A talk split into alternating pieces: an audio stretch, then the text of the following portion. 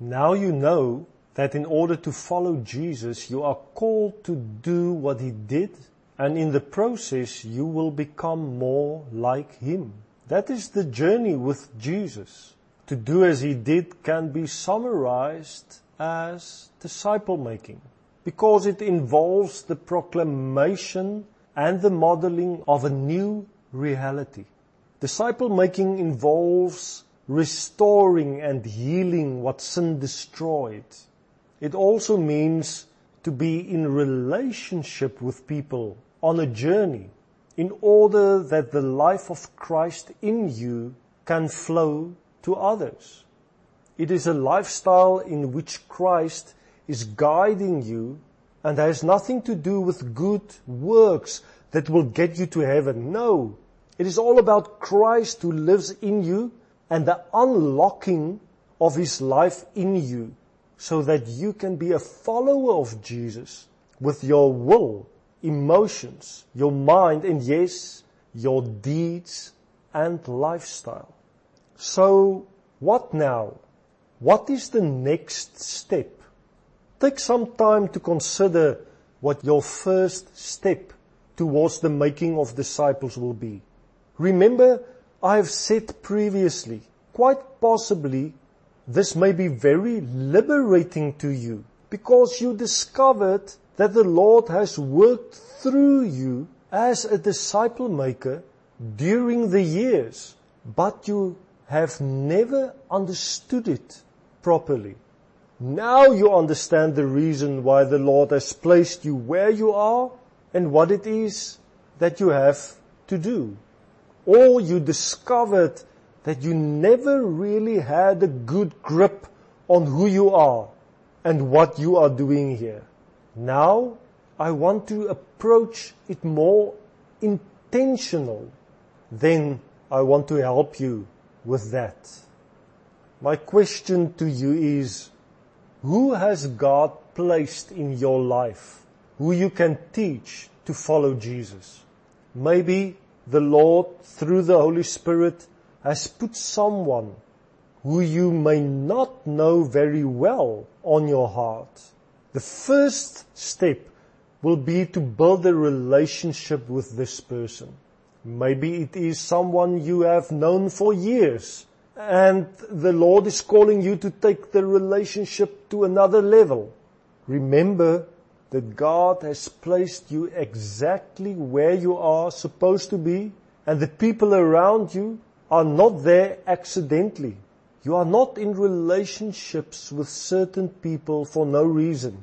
People are seeking and thirsting after God, and they may only get to know God better through you and their relationship with you.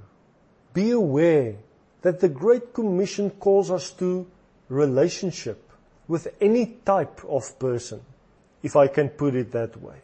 People in churches, as well as people who have never been in churches, or maybe they are in other religions. Yes, we are called into relationship with people who are like us, but also those who vastly differ from us. Because everyone has to know who Jesus is and what it means to follow Him. Therefore, live from today consciously with the identity of a disciple maker. Wherever you go, you have to consciously pray for people and bless places. Focus on building relationships with people and to become involved in their needs and trust the Holy Spirit for discernment to witness through words and deeds. Finally, become involved in a disciple making group. I want to strongly press that on your heart. If you are not yet part of such a small group of believers or small community or family, they do not all have to be believers. Then do become part of such a group. If you are already part of, of such a small group, then ensure that it has, that it has space for making disciples and that it is not just a small bless me club where only second hand and third hand revelation are shared by one with another.